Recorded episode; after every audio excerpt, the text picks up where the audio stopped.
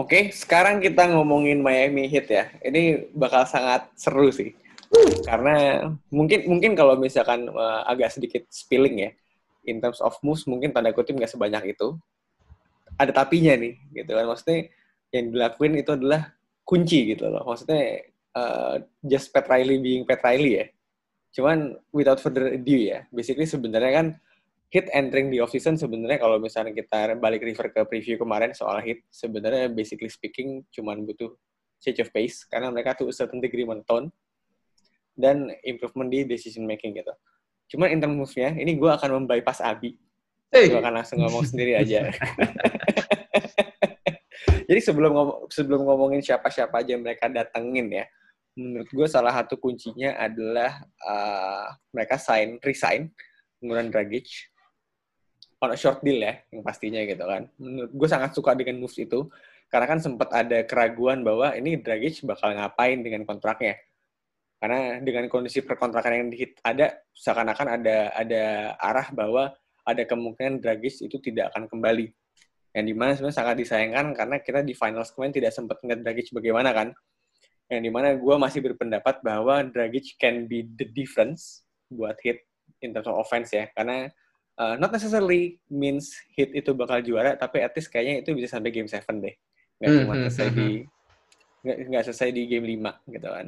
Eh 5 apa 6 ya? Game 6. Game 6. Hmm. 6, 6 ya kan. Maksudnya can be the difference buat uh, hits offense gitu. Nah, seperti yang kita tahu, sebenarnya tapi sebenarnya mereka tuh kehilangan ya, kehilangan dua pemain yang sangat vital menurut gue. Kehilangan J Crowder hmm. dan juga kehilangan Solomon Hill. Woi, vital itu loh yang yang dari, iya. yang jagain, gue bilang, jagain nah. mobil kalau pada lagi main siapa? kan parkir. Yeah. yeah. putting jokes aside ya, maksud gue uh, Jay Crowder is a big loss, gitu kan. Dan juga sebenarnya Solomon Hill ya good for them lah gitu kan menghilangkan kontrak yang sangat besar itu. Dan juga sebenarnya ada moves yang gue kaget gitu kan ke, uh, kehilangan Derrick Jones Jr. sebenarnya. Cuman kita uh, masuk aja pemain datengin ya. Yang didatangin itu tanda kutip sebenarnya cuma dua gitu kan. Avery Bradley, dan Morris Harkless. Yang di mana gue pribadi sangat suka dengan dua kedatangan pemain ini gitu loh. Yang di mana more lockdown defender buat hit. Gitu. Yang di mana ya just Spolstra being Spolstra, Pat Riley being Pat Riley, kuatin defense. Kan? Hmm. Cuman uh, gue akan lempar ke lo nih, Bi, gitu kan. Maksudnya in terms of dari pergerakan yang udah ada, dari nama-nama tadi, lu ngerti gimana? I, again, I mean, at your point, yang gue suka adalah Petrelli menjaga kontinuasi ya dari tahun lalu. He knows that this roster works well. Dan kawan-kawan tapi tanpa yang tadi bilang tapi tanpa mengorbankan financial flexibility untuk uh, beberapa tahun ke depan. But we'll get to that later. But in terms of kayak yang mereka datengin ya, Avery Bradley yang Morris Harkless, I don't again Matt kita udah sering ngomong I have a defensive fetish And Avery Bradley at this point menurut gue memberikan sebuah elemen defense yang kalau tahun lalu, let's say kehilangan Jay Crowder, datengin Mo Harkless hampir pakpo lah ya. Yep. Nah dua-duanya kayak that forward position dan kawan-kawan yang bisa jaga 3-4, 2-3-4 lah. Tapi Avery Bradley gives them that defender yang bisa jaga point of attack uh, dead ball handler. Itu selama ini eh sorry, di musim kemarin mereka ada ada kekurangan defender yang benar on the ball kan, on point. Yeah. Karena I mean respect to Kendrick Nunn, Tyler Hero, and Goran Dragic, but I mean, ya yeah, Avery is just at another level gitu loh. Dan Avery pun bukan cuman yang kayak Patrick Beverly yang bisa defense doang, nggak kayak Morris Harkless. Oh, kirain all bark no bite. All bark no bite. Everybody. everybody is actually a decent basketball player gitu, bukan cardio player Patrick Beverly. uh, shout out to Patrick man, to PBF. I love that guy. But basically, Bradley can shoot that corner three. His mid-range pull-ups are is also kind of sweet to a certain extent. Then he can actually kind of um, he's a really good in you know, all-around player lah. I mean, you can put him in in, in, in every role he you, you can on, on that team. And Alex Postra, I think just got his Swiss Army knife yang benar-benar kayak gue butuh apa ya I will I will put Bradley in the game and basically I, I really like that move. Ya, dan ada satu yang tadi gue sempat sebut gitu ya, dengan datangnya dua orang ini gitu ya, menurut gue itu menjadi sebuah safety net yang di mana akan ngebantu Igi menurut gue ya. Karena kan uh, basically Igi kan ini lagi dimonitor nih. Kalau misalkan season ini nggak bagus kan ya udah di let go gitu kan. Cuman hmm. gue lebih ingat bahwa kan Igi berangkat ke hit season lalu itu ekspektasinya kan tinggi ya. Karena wah dia bakal bisa jadi that uh, sparks nih both on offense and defense ya. Terutama when you deep in the playoff run. Cuma kan ternyata ya enggak yang gitu-gitu doang ya tapi sebenarnya habis bensin bos tapi sebenarnya gitu gue ngeliat bahwa emang sebenarnya ya basically speaking hit lacking that the chart the chart gitu loh kuatnya tipis kan gue juga yeah, sempat yeah, bilang yeah. kalau salah beberapa kali gitu loh yang di mana dengan datangnya Blade dan Harkless ya safe to say bahwa yang datang adalah dua orang yang sangat kompeten.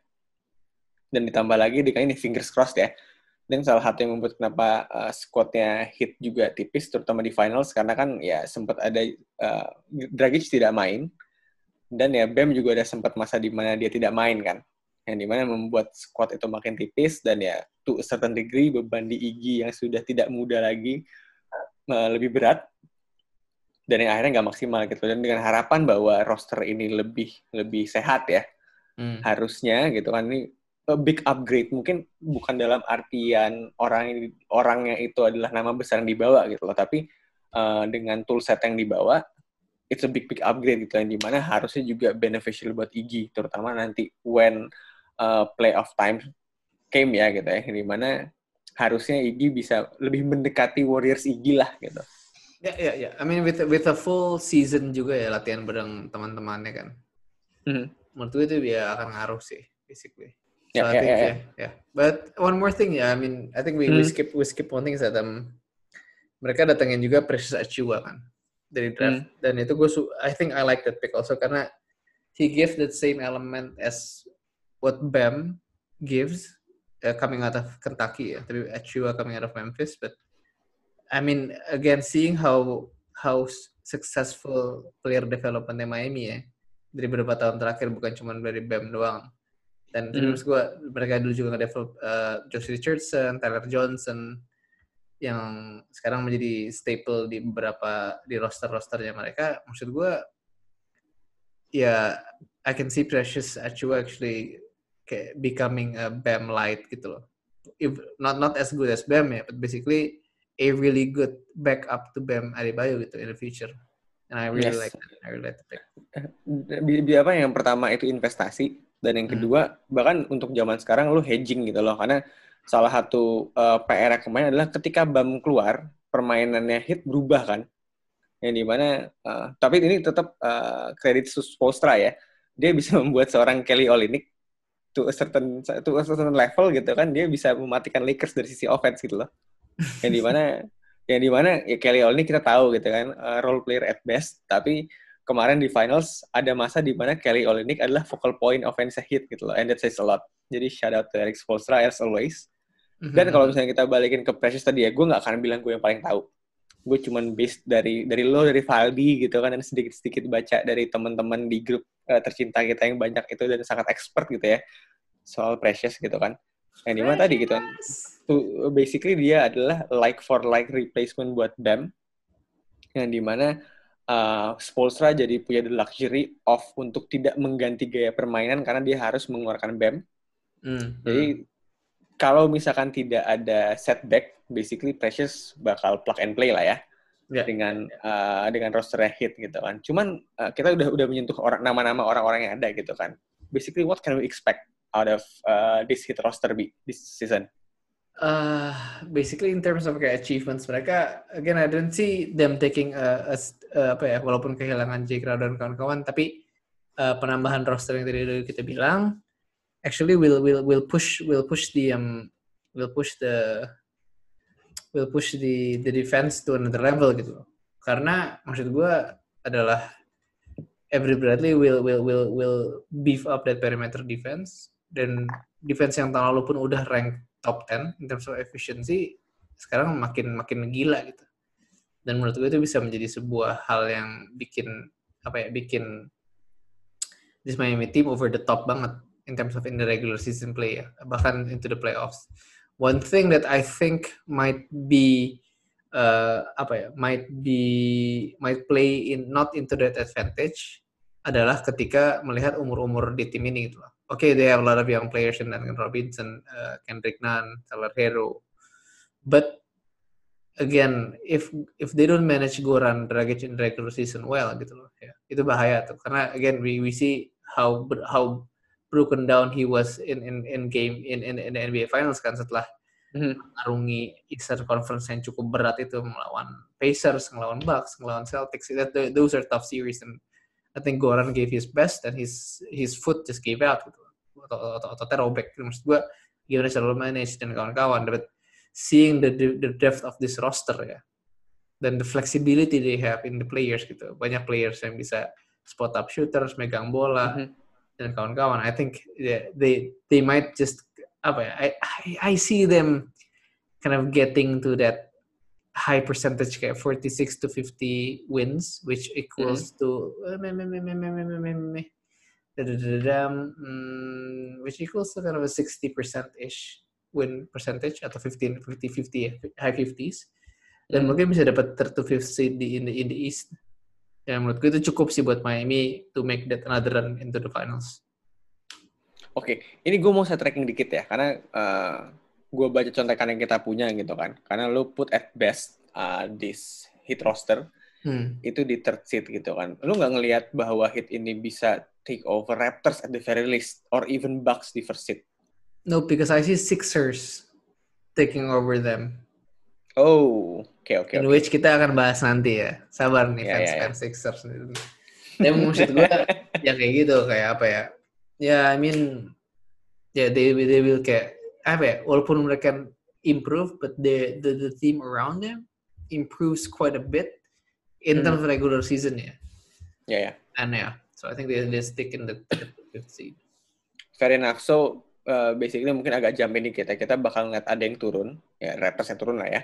Hmm. dan Sixers actually taking over uh, that second seat ya. Yang di mana tapi tetap kalau misalnya kita nanti ngomong ke playoff run bakal beda. Fair enough fair enough. Dan okay. karena gue juga nggak gue nggak nggak ngelihat bahwa apa namanya in terms of gaya main akan berubah dari hit juga nggak basically we know what we'll get lah gitu kan basically bener-bener uh, Spolstra dan Petraili mencoba untuk mereplikasi season lalu bagaimana berjalannya meskipun memang mereka ada apa ya ada tools-tools di dalam that six, seven, eight man itu mereka mencoba untuk lebih kuat lagi gitu kan mm -hmm. karena eksperimen Iggy dan Crowder tidak berjalan dengan begitu baik lah ya. Nggak jelek sih sebenarnya. Cuman dengan melihat outcome-nya seperti apa, ya not the result that they were expecting lah gitu. Tapi ya bakal menarik ngeliat hit seperti biasa gitu kan. Cuman mungkin ini kita geser lagi nih ke uh, sesi yang seperti biasa lo punya gitu kan. Udah dua tim, sekarang kita masuk tim ketiga gitu kan. Uh, in terms of uh, sampai di season 2023 gitu kan, dari sisi keuangan mereka gimana? Um, ini yang this is gonna be super super interesting karena mungkin kita akan spend quite some time di sini. So hmm. if you need to get a glass of water, uh, our faithful listeners, please do know, please do now. Um, basically, uh, ya tadi uh, Adit bilang juga kan, um, mereka ngasih kontrak di tahun ini itu cukup cukup inilah cukup cukup bagus itu dari segi manajemennya karena yang mereka resign beberapa main tuh uh, on two year deals uh, dua kontrak dua tahun tapi tahun berikutnya tahun 2021 2022 itu banyak team optionnya. Jadi nanti hit basically akan punya opsi buat nge keep atau nge cut kontrak ini dari salary cap mereka.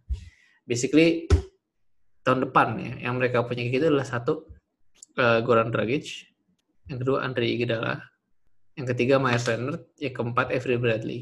Dan juga ada kontrak kayak Casey Okpala yang enggak yang enggak guaranteed. Dan maksud gue that's actually amazing sih menurut gue karena kalau lihat kayak gitu ya apa ya um, kita tahu bahwa akan ada storyline di mana Heat ingin mendatangkan Giannis kan? Ya. Yeah. and if Giannis doesn't sign that extension atau siapa superstar mana pun lah not Giannis basically. Superstar mana pun yang yang yang yang tahun depan akan jadi free agent which in which itu lumayan banyak.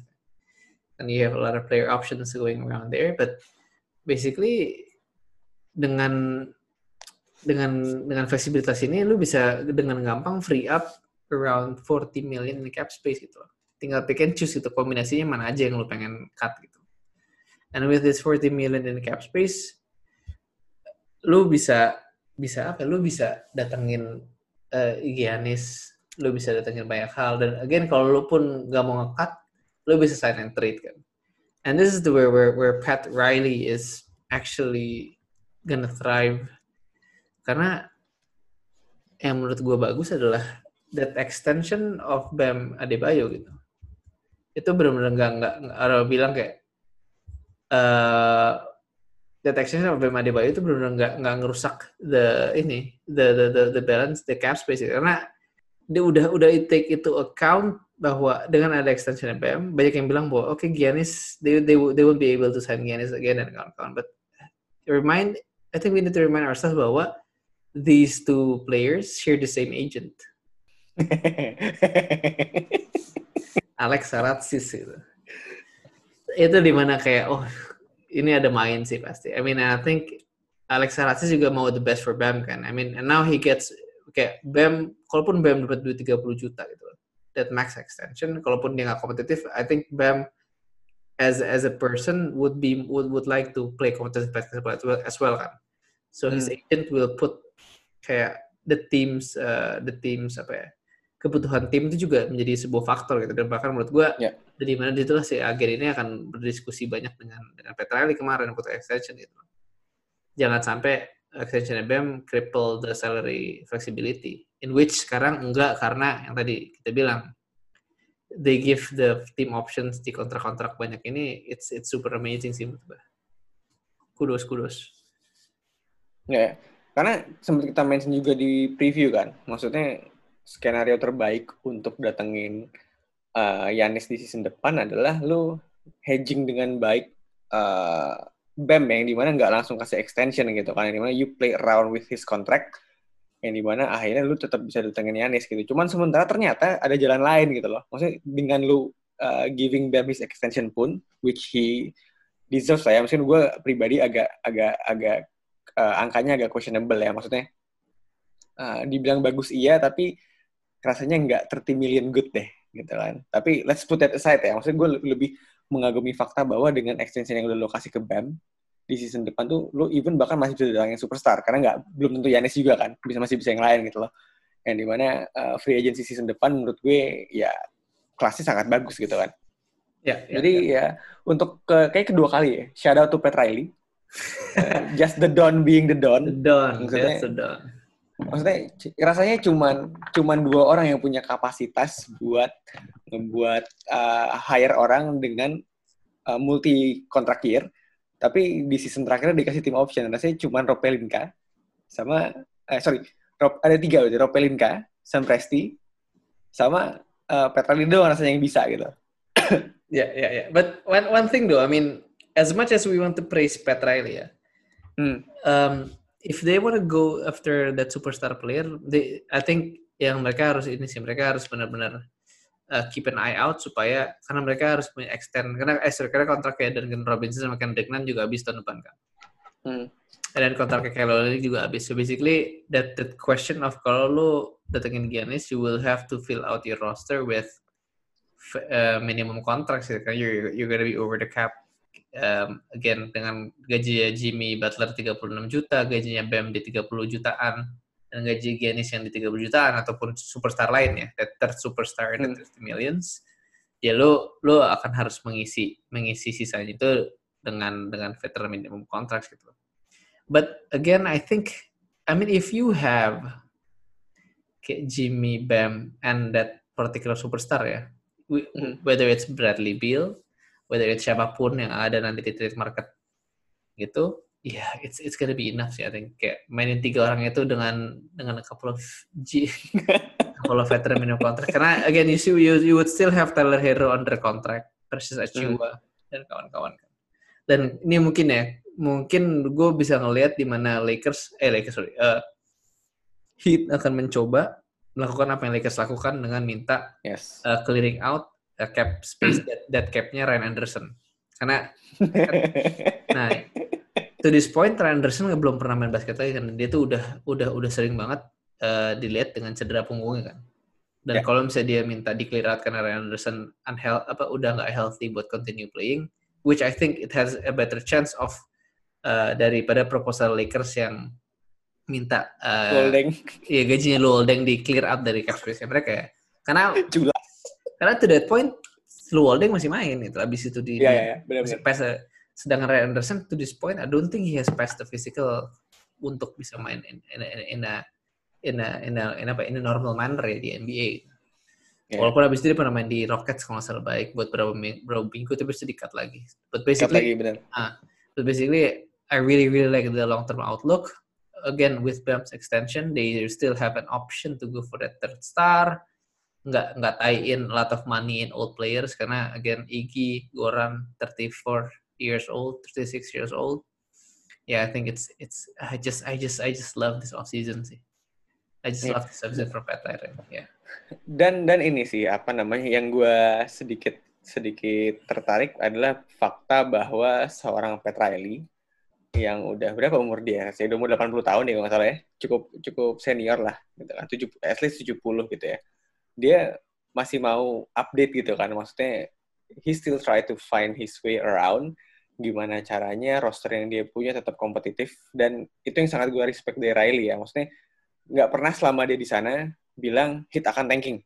Maksudnya terlepas dari output di season itu bagaimana ya? Karena ada beberapa blipir kalau nggak salah season terjeleknya Riley pas uh, hit miss di playoff 9 deh kalau nggak salah ya. Tapi itu pun dia mencoba untuk masuk ke playoff gitu loh.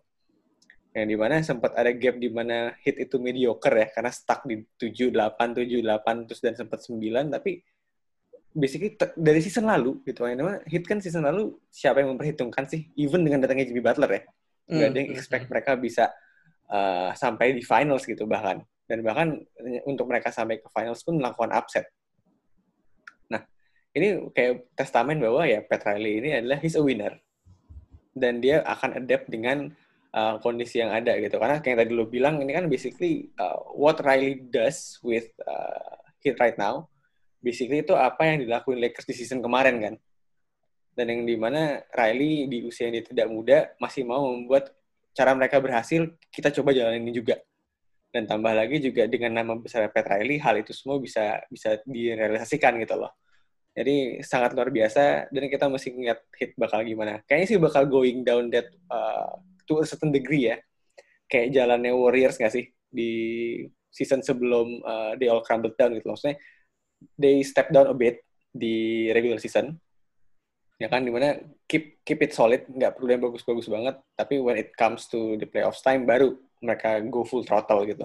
Ya, dan ya, mereka ya. sangat punya kapasitas uh, akan itu. Karena kita harus ingat Jimmy Butler adalah uh, nakodanya di situ gitu loh. Yang di mana ya Butler will do what Butler does lah gitu Yeah, yeah, yeah. No, you're right, you're right, you're right. Basically, yeah, it's it's, it's all about playing the long game.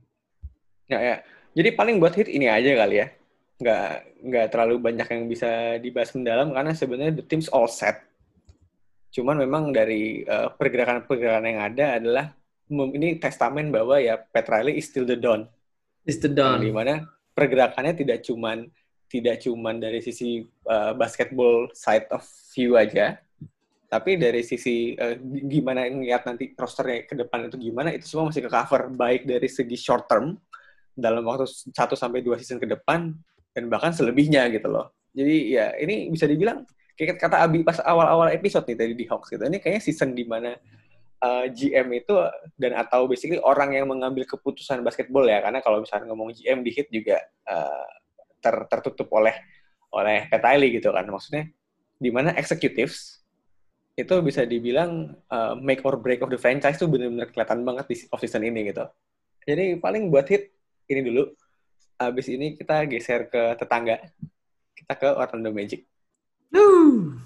Itu baru tidak jelas.